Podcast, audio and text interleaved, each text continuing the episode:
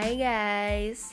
Setelah dua minggu sedih-sedihan karena patah hati Now I'm back Untuk bikin podcast yang lebih berfaedah. Kali ini gue pengen bikin podcast tentang karir. So, Welcome back to my podcast channel Curhat 20an with Mega Agnesti. Buat kalian nih yang baru lulus kuliah dan lagi mau nyari kerjaan I think this podcast is suitable for you Karena gue ingin ngebahas mengenai tips menghadapi wawancara kerja. Tapi ini spesifik untuk kalian yang mau kerja kantoran pada umumnya ya. I mean bukan di um, menjadi CPNS bukan untuk yang kerja freelance misalnya yang punya bisnis di Amerika terus kalian di Indonesia terus kalian bisa work from home gitu enggak karena gue belum pernah punya pengalaman seperti itu. Jadi tips ini gue buat berdasarkan pengalaman gue mencari pekerjaan sebelum-sebelumnya. So ya yeah, kalau kalian sedang menghadapi interview besok-besok lagi nyari kerjaan lagi bingung apa aja yang harus diomongin ke orang yang membuka lamaran kerja ini. Stay tune karena mungkin ini yang kalian butuhkan dalam hidup. Jadi ya biasanya kalau interview itu untuk memasuki perusahaan biasanya ada beberapa user yang pertama biasanya HRD. Kalau HRD sih pertanyaannya relatively general. Terus biasanya ada juga interview dengan user. User itu ada user pertama, ada user kedua misalnya begini kalau kalian masuk jadi staff bisa jadi user pertamanya adalah manajer kalian langsung sementara user keduanya bisa dev dari uh, bagian atau divisi tersebut gitu. Kalau misalnya interview dengan HRD relatifly untuk tahu sih karakter kalian kar uh, atau kepribadian kalian tuh sesuai nggak sama requirement perusahaan. Sementara kalau interview sama user, biasanya nih yang dicari tahu bukan cuma kapasitas, capability maupun kompetensi kalian pada bidang pekerjaan tersebut, tapi user itu juga nyari chemistry.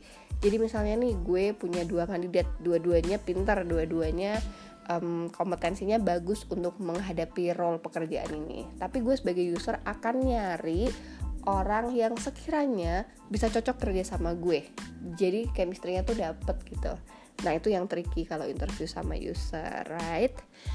So, buat kalian yang mau interview, biasanya menurut gue yang harus disiapin adalah tiga hal, tiga hal kali ya. Yang pertama adalah penampilan, yang kedua adalah konten yang akan kalian bicarakan dengan user dan yang terakhir adalah tentang cara komunikasi atau cara menyampaikan diri tentang diri kalian tentang uh, capability kalian dalam melakukan sebuah pekerjaan.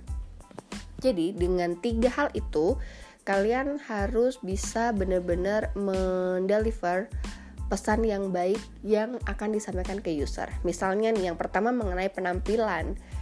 Seperti pada podcast gue sebelumnya yang menjelaskan tentang penampilan, kalian itu harus well dressed. Bukan yang overdress atau yang underdress well dressed. Jadi misalkan kalian menggunakan pakaian sesuai dengan job desk yang diberikan kepada kalian gitu. Misalkan kalian mau kerja di institusi yang lebih serius kayak perusahaan investasi gitu atau banking maka kalian ya harus berpakaian lebih formal. Pakai kemeja pakai rok ataupun celana bahan gitu kan. Terus pakai blazernya juga yang blazer formal bukan blazer main gitu. Terus sepatunya lebih tertutup dan pastikan semuanya bersih rapi ya. Termasuk saat memilih makeup kalian juga harus lebih natural. Jangan yang terlalu berlebihan dan mencolok seperti misalnya pakai lipstick merah gitu gue lebih menganjurkan kalian menggunakan lipstick lipstick yang netral seperti nude maupun warna uh, soft pink gitu. Jadi jangan pakai merah. Walaupun merah sebenarnya warna yang bagus ya gue juga suka lipstick merah gitu tapi kalau untuk interview kerja mendingan dihindari deh warna-warna yang bold seperti itu gitu. Kemudian juga rambutnya yang rapi jangan berantakan jangan kelihatan lepek belum keramas gitu agak geli ya kan liatnya nggak enak gitu kan. Jadi sebaiknya rambut juga diperhatikan. Terus buat cowok-cowok nih juga diperhatikan kalian lagi um, kumis atau jambangnya tuh lagi banyak enggak kalau bisa sih dirapiin dulu sebelum ketemu user. Rambutnya juga yang rapi karena penampilan itu bukan hanya untuk um, memberikan impresi yang baik kepada orang lain gitu. Tapi juga menunjukkan how do you value yourself dan somehow ya kalau kalian berpenampilan menarik kalian juga akan merasa lebih baik maupun lebih percaya diri. Dan kepercayaan diri adalah salah satu hal yang harus kalian tunjukkan dalam interview. So please perhatikan penampilan kalian even kalian kerja buat agency ya doesn't mean kalian bisa pakai t-shirt gitu. Jadi beneran deh dress to impress itu penting banget gitu. Karena the way you dress itu represent who you are. Walaupun kita nggak boleh judge a person by its cover but it is true. You judge person dari first impression penampilan mereka duluan kan?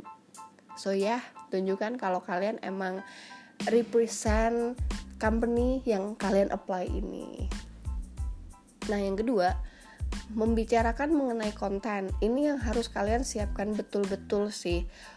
Rules utamanya adalah satu kalian cari tahu tentang company yang kalian apply. Kedua kalian cari tahu role pekerjaan yang kalian apply. Dan yang paling sulit adalah yang ketiga kalian kenali diri kalian sendiri Nah, biasanya yang ketiga ini agak tricky ya guys Karena walaupun kita sudah bersama diri kita selama berpuluh-puluh tahun Seringkali kita nggak tahu kok siapa sih kita yang sebenarnya Apa sih kelebihan dan kekurangan kita, bener nggak sih? Untuk masalah konten yang pertama yang terkait dengan perusahaan sebelum kalian interview gue saranin sih untuk cari tahu tentang perusahaan itu.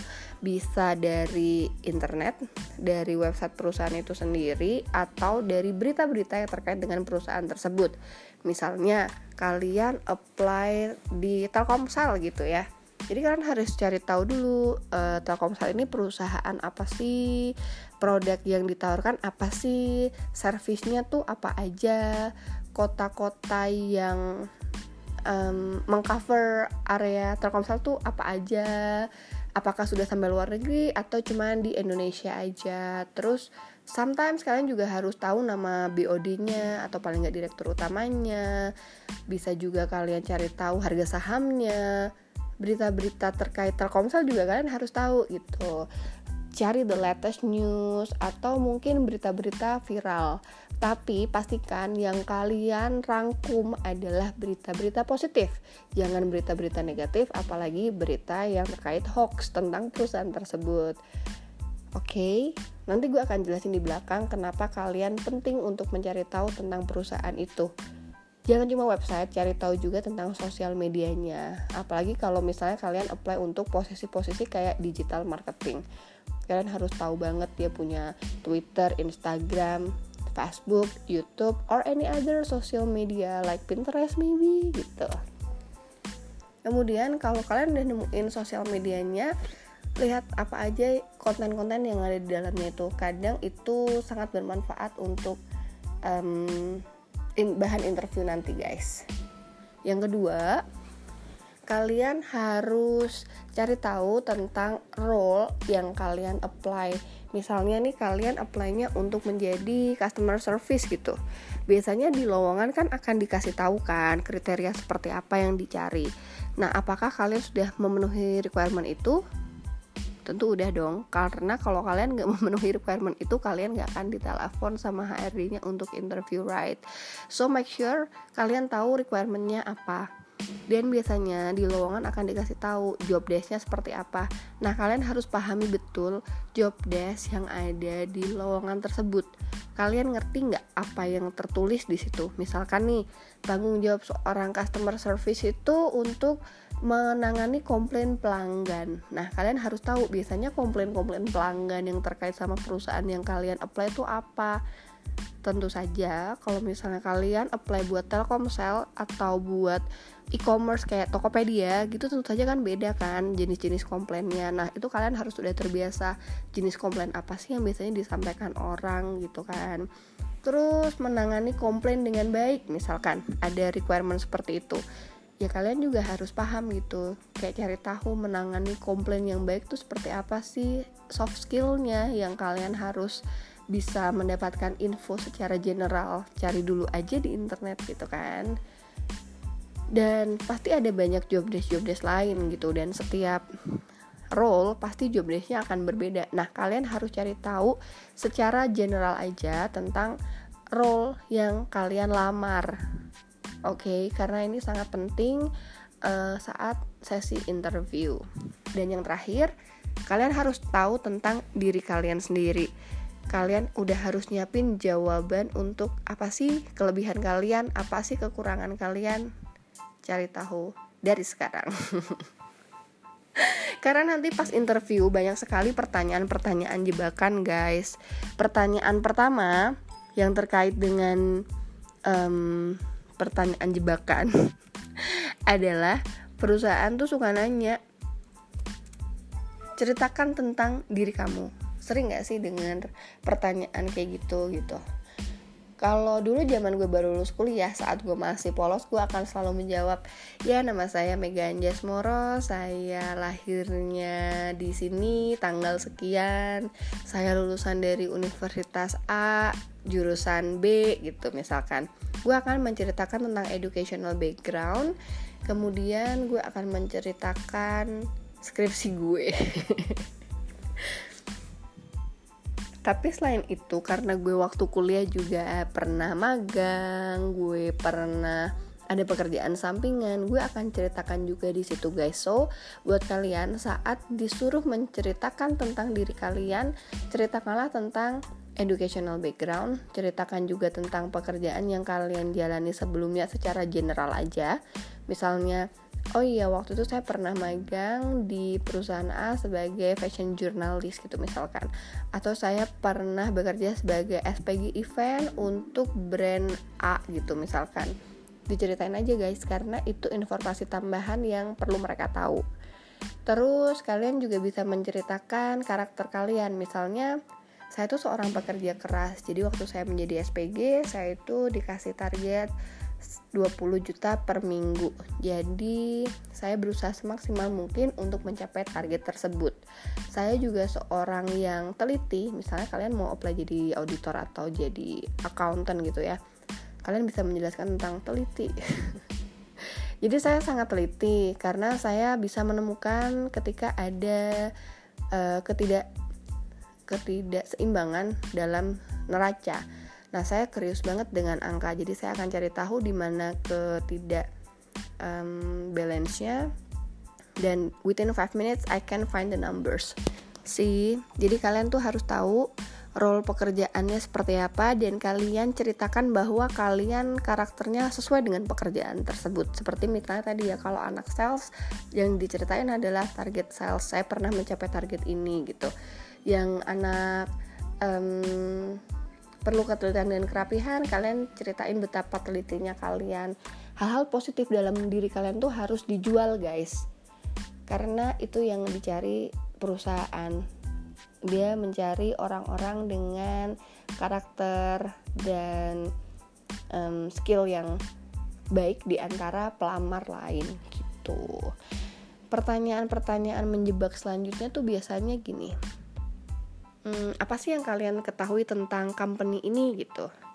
Nah makanya tadi gue udah bilang kan bahwa kalian harus nyari tahu sebanyak mungkin tentang company ini melalui internet melalui temen atau melalui um, media apa pun yang mereka miliki gitu. Karena saat kalian ditanya itu kalian udah siap kasih tahu apa yang kalian tahu secara general tentang perusahaan ini dan misalnya kalian memberikan informasi tentang the latest news pastikan yang kalian informasiin ke orang yang interview adalah berita-berita positif oke? Okay? jangan pernah bawa berita yang negatif terkait perusahaan. Seperti misalnya nih kalau Telkomsel gitu ya. Kan pernah tuh waktu itu dia uh, websitenya di um, di apa sih namanya? Di hack. Kemudian um, komplain tentang tarifnya yang makin naik tapi servisnya gitu-gitu aja gitu kan. Do not bring up that kind of news. Itu bunuh diri guys. Jadi sebaiknya bawalah berita positif yang kalian baca terakhir mengenai perusahaan tersebut. Itu akan bikin impression kalian membaik sih. Kemudian kalau misalnya ditanya tentang kenapa tertarik bergabung di perusahaan ini itu juga cukup tricky sih menurut gue ya pasti gue mau bergabung di company lo karena gue butuh duit nyet. Itu gak sih?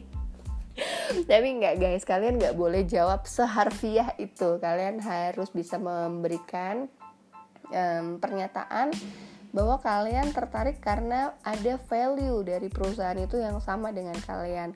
Seperti misalnya gue waktu um, ditanya kenapa dari fashion fashion industry yang internasional mau bergabung ke startup yang e-commerce dan no one know it gitu kan. Nah gue akan memberikan jawaban yang nggak drama mendramatisir sih nggak mendramatisir. Gue akan memberikan jawaban yang bisa menyentuh emotional level dari orang yang interview gue. Seperti misalnya gini iya karena saya ingin memberikan kontribusi yang lebih terhadap suatu perusahaan baru.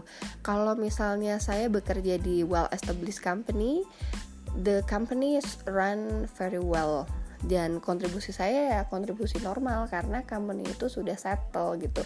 Tapi di perusahaan baru challenge-nya akan lebih banyak. Dan saya ingin belajar lebih untuk mengembangkan suatu perusahaan. Karena kontribusi saya ketika saya bekerja di startup company dan di well established company gonna be different. And I want to take the challenge. Yes, ininya kalian harus menyebutkan hal-hal positif dalam perusahaan tersebut yang kalian yakini akan sejalan dengan visi kalian. Kalian harus terlihat antusias, kalian harus ngerasa challenge di depan adalah sesuatu yang menarik untuk ditaklukkan. Jadi, kenapa tertarik bergabung di perusahaan itu? Ya kalian harus ceritakan apa sih yang menarik dari perusahaan itu ke kalian gitu. Misalnya kalian ditawarin kerja eh bukan ditawarin.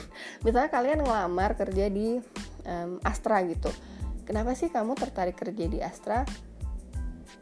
Kalian bisa jawab karena Astra adalah sebuah well established company yang saya percaya bahwa uh, visi dan misi serta budaya perusahaannya sejalan dengan apa yang ingin saya cari. Saya juga ingin mengembangkan Astra untuk menjadi perusahaan yang respectable dan lebih maju lagi. So I want to contribute to this company. That's it. Jadi carilah jawaban yang bisa memberikan kontribusi pada emotional level si orang yang interview kalian. Gitu. Jadi jangan hanya bilang saya ingin belajar di sini, saya ingin menimba lebih banyak pengalaman di sini. Men, kalau itu jawaban standar, gue pastiin hampir semua orang yang diinterview jawabannya kayak gitu. So kalian harus butuh reason yang stand out supaya orang yang nanya inget kalian dan itu menjadi memorable answer di sesi interview tersebut. So, cari jawaban yang lebih bikin emotional level si penanya itu kena gitu. Lelah ya menjelaskan pertanyaan ini. Biasanya hmm, ada pertanyaan-pertanyaan yang menjebak lagi seperti misalkan gini jelaskan rencana Anda lima tahun mendatang atau jelaskan rencana Anda ke depan gitu misalkan. Nah, kenapa sih perusahaan harus tahu tentang jawaban kalian? Karena ini akan berpengaruh terhadap penilaian perusahaan um, pada diri kalian mendatang. Perusahaan kalian kan investasi ya pada perusahaan tersebut. Nah, perusahaan ingin tahu aja sih kalian tuh sebenarnya orang yang loyal dan bisa diandalkan atau enggak makanya mereka pengen tahu gitu lima tahun lagi tuh kalian mau apa? Dulu kalau gue waktu ngisi pertanyaan-pertanyaan itu gue selalu akan bilang lima tahun dari sekarang gue akan menjadi sales manager. Lima tahun dari sekarang gue akan menjadi pokoknya gue akan selalu menulis manager aja di situ. Karena emang itu yang pengen gue capai gitu. Tapi terus gue juga uh, ada juga pertanyaan apa yang anda akan anda lakukan di masa mendatang?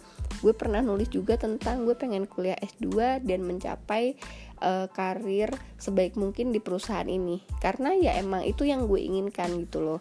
Kadang ada orang yang menulis misalnya cewek ya gini lima tahun lagi saya ingin menjadi ibu dan berhenti bekerja. Man do not do that. If you want to be mother then good tapi jangan dibilang mau berhenti bekerja kayak I want to be a working mom. Kalau misalnya kalian udah punya pacar dan ada rencana menikah juga kalian bisa bilang lima tahun lagi saya akan menikah dan saya akan menjadi sales manager di perusahaan ini.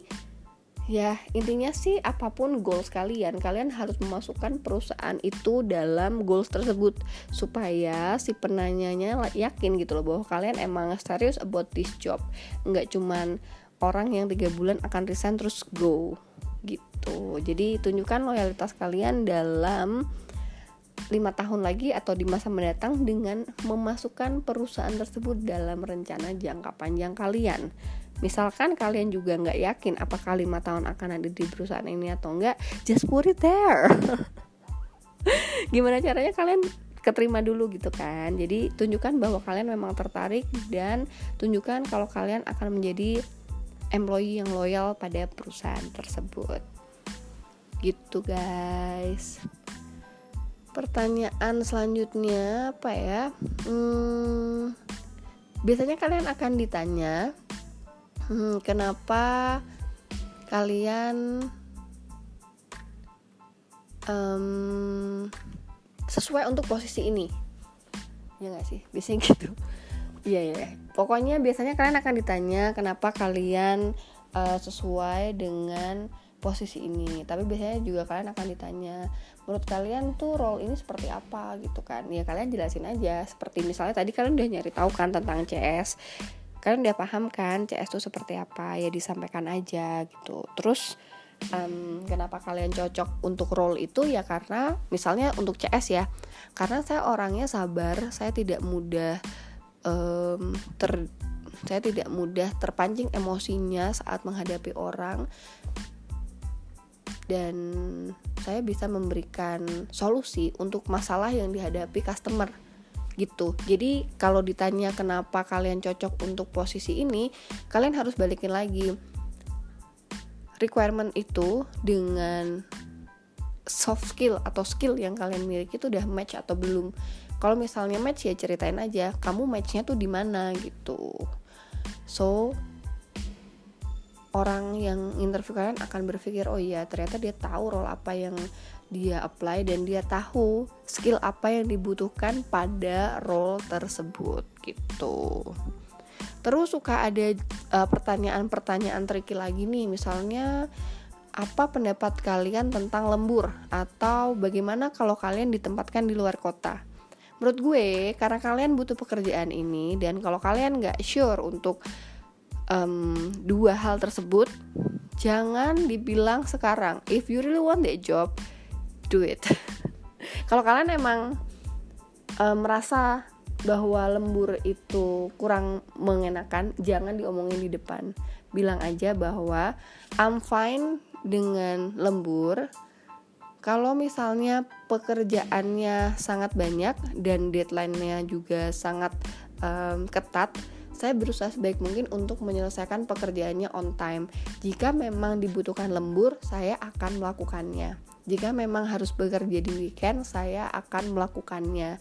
Tapi saya akan berusaha sebaik mungkin untuk memanage pekerjaan tersebut saat weekdays. Jadi, straight to the point, kalian terlihat nggak keberatan dengan lembur, tapi kalian udah harus tahu bahwa kenapa lembur itu diperlukan dan kalian akan melakukannya jika dibutuhkan, right? Itu jawaban yang harus kalian berikan. Jangan bilang, aduh saya tuh nggak suka ya lembur, saya nggak suka pulang malam, lalalala. Yang ada orang ilfeel gitu kan. Jadi please kalau ditanya tentang lembur, berikan jawaban yang wise. Sementara kalau um, dikasih pertanyaan, apakah kamu siap ditempatkan di luar kota? Gini guys, balik dulu ke requirement awal. Karena gue tuh suka kesel ya dulu zaman gue pegang program MT gue tuh lagi menjelaskan nih tentang program MT kepada kandidat gitu kan. Terus ditanya kak ini harus siap ditempatkan di seluruh Indonesia ya? Iya. Kalau misalnya kalian dari awal udah tahu pekerjaan kalian akan ditempatkan di seluruh Indonesia dan kalian harus siap gitu loh menerima konsekuensinya. Karena gue paling benci kalau ada orang dari awal udah diinfoin bahwa perusahaan ini atau role pekerjaan ini um, harus siap untuk ditempatkan di seluruh kota di Indonesia. Dan tiba-tiba saat interview dia bilang saya nggak bisa kalau ditempatin di seluruh Indonesia. Then you just go out from the get out from the room gitu. Buat apa? Capek-capek interview tapi ternyata lo nggak mau ditempatin di luar kota gitu loh. Walaupun misalnya kesempatannya untuk stay di Jakarta cuman 70% gitu ya you need to deal with it. Karena ya itu tadi kalian udah tahu konsekuensinya ini pekerjaannya akan ditempatin di luar kota. Kalau nggak mau ya ngapain apply gitu loh itu yang bikin seringnya gue kesel sama anak-anak ini ya.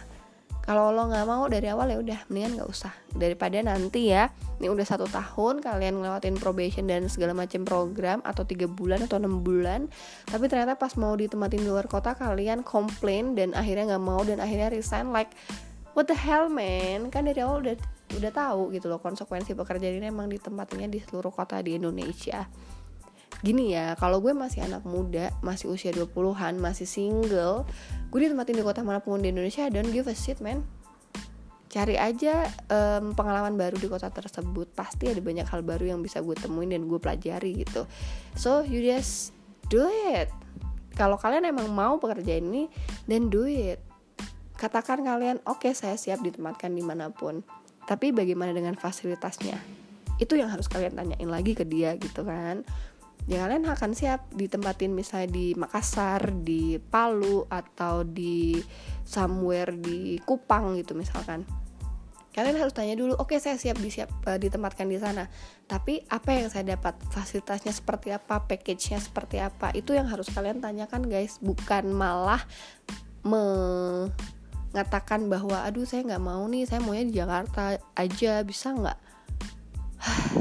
Aku lelah sama orang yang kayak gitu jadi goodbye. Kalau kalian udah langsung jawab um, ragu bimbang maupun akhirnya menolak untuk ditempatin di luar Jakarta oke okay, goodbye aja. Itu adalah hal yang user lakukan karena udah banyak yang melakukan hal tersebut. So I suggest you kalau misalnya udah tahu di awal akan ditempatkan di luar kota dan kalian nggak mau dengan hal itu mendingan nggak usah datang ke interview oke? Okay? tapi kalau kalian ready then you say it. I'm ready. Dan kalau ditempatkan di mana kalian bisa nanya. Jadi biasanya penempatannya di mana aja bu? Atau misalnya oh oke okay, saya siap. Fasilitasnya apa bu ketika saya bisa ketika saya ditempatkan di sana gitu. Nanya aja karena itu yang harus kalian ketahui gitu. Nah, biasanya ada lagi nih tentang pertanyaan-pertanyaan jebakan selanjutnya. Oh, mungkin ini yang terakhir kali ya. Hmm, enggak ding. Selanjutnya deh, selanjutnya. ada pertanyaan lagi tentang gaji. Biasanya akan ditanya, jadi kamu expected salary-nya berapa gitu. Nah, ini pertanyaan jebakan banget sih, guys nggak mau ketinggian nggak mau kerendahan juga kan. Jadi sebelum kalian interview kalian wajib riset gaji role yang kalian apply. Misalnya um, role-nya adalah sales staff di perusahaan FMCG nah cari dulu deh biasanya range-nya tuh berapa sih? 4 juta 5 juta 6 juta 7 juta. Biasanya ya kalau new entry itu setahu gue gaji yang ditawarkan sekitar 4 sampai 5 juta. Ada juga company yang 6 sampai 7 juta, tergantung skala company-nya gede atau enggak. Tergantung dia local brand atau international brand. Nah, itu kalian harus melakukan riset. Jadi, kalau misalnya kalian udah tahu nih angkanya di sekitar 5 juta gitu, misalkan. Nah, kalian bisa bilang e, saya expected salary-nya 6 juta gitu misalkan. Jadi, kalau misalnya dia akan nanya negotiable nggak? Ya negotiable.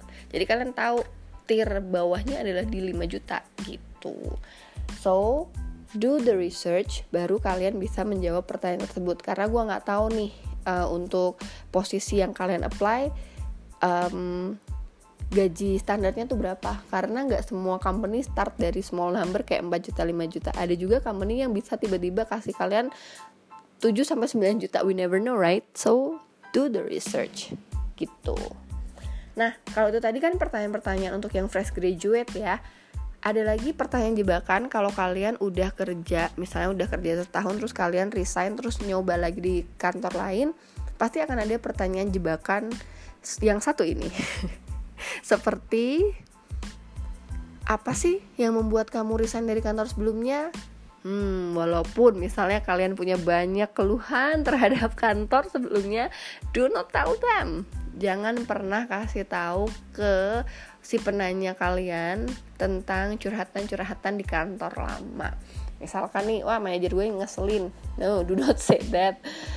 Uh, tapi katakanlah hmm, hal tentang hal tentang hal positif tentang kantor kalian yang lama maupun hal positif yang kalian cari di kantor baru. Misalnya gue dulu abis dari Airlines Company yang cukup besar dan gue mau masuk di fashion company yang very small. Waktu itu gue bilang begini, I found out kalau ternyata airlines industry is not my passion dan my passion is in fashion industry. So I want to pursue my passion in fashion industry. That's why I quit and um, applying at your company. Gitu. Jadi gue membawa-bawa passion dalam hal ini. Terus ketika dari perusahaan yang local brand tadi pindah ke international brand gue akan bilang kenapa gue resign?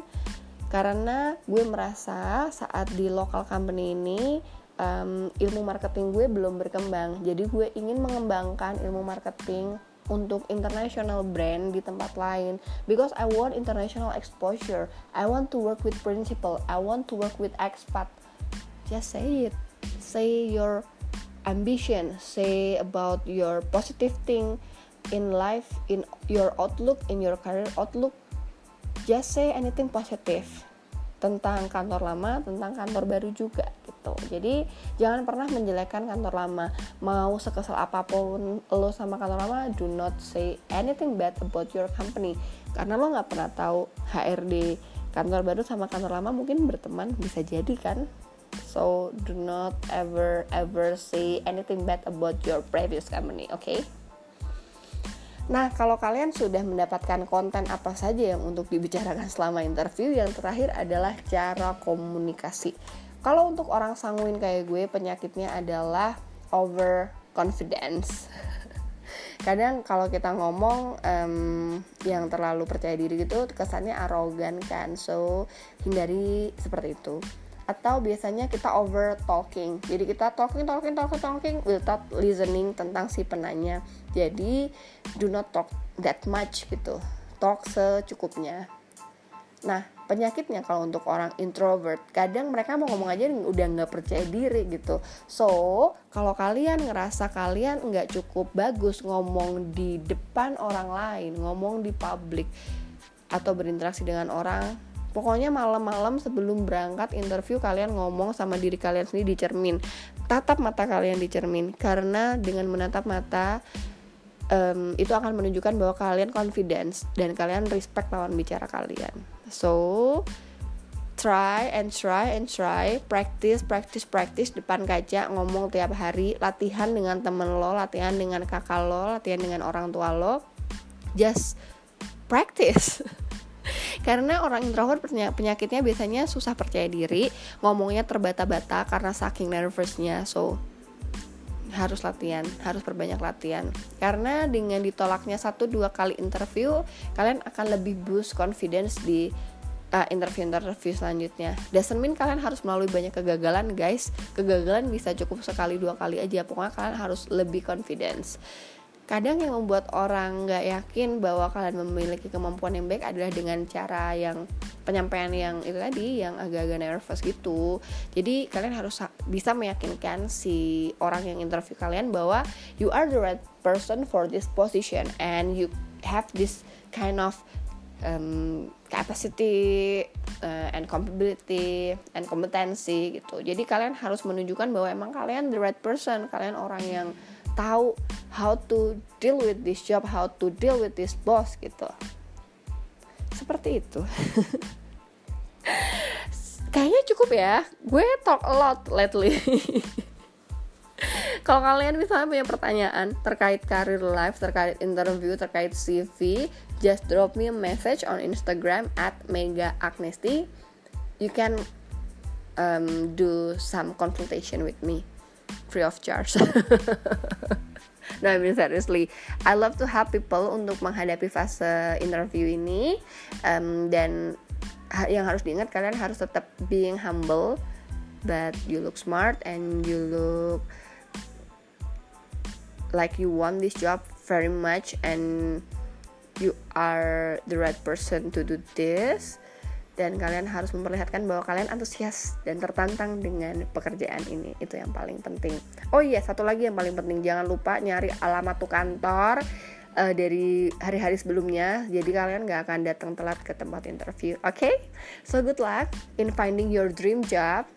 And do not do not forget if you have anything to shout out just send me your message on Instagram at Mega Agnesti. Good night and good luck!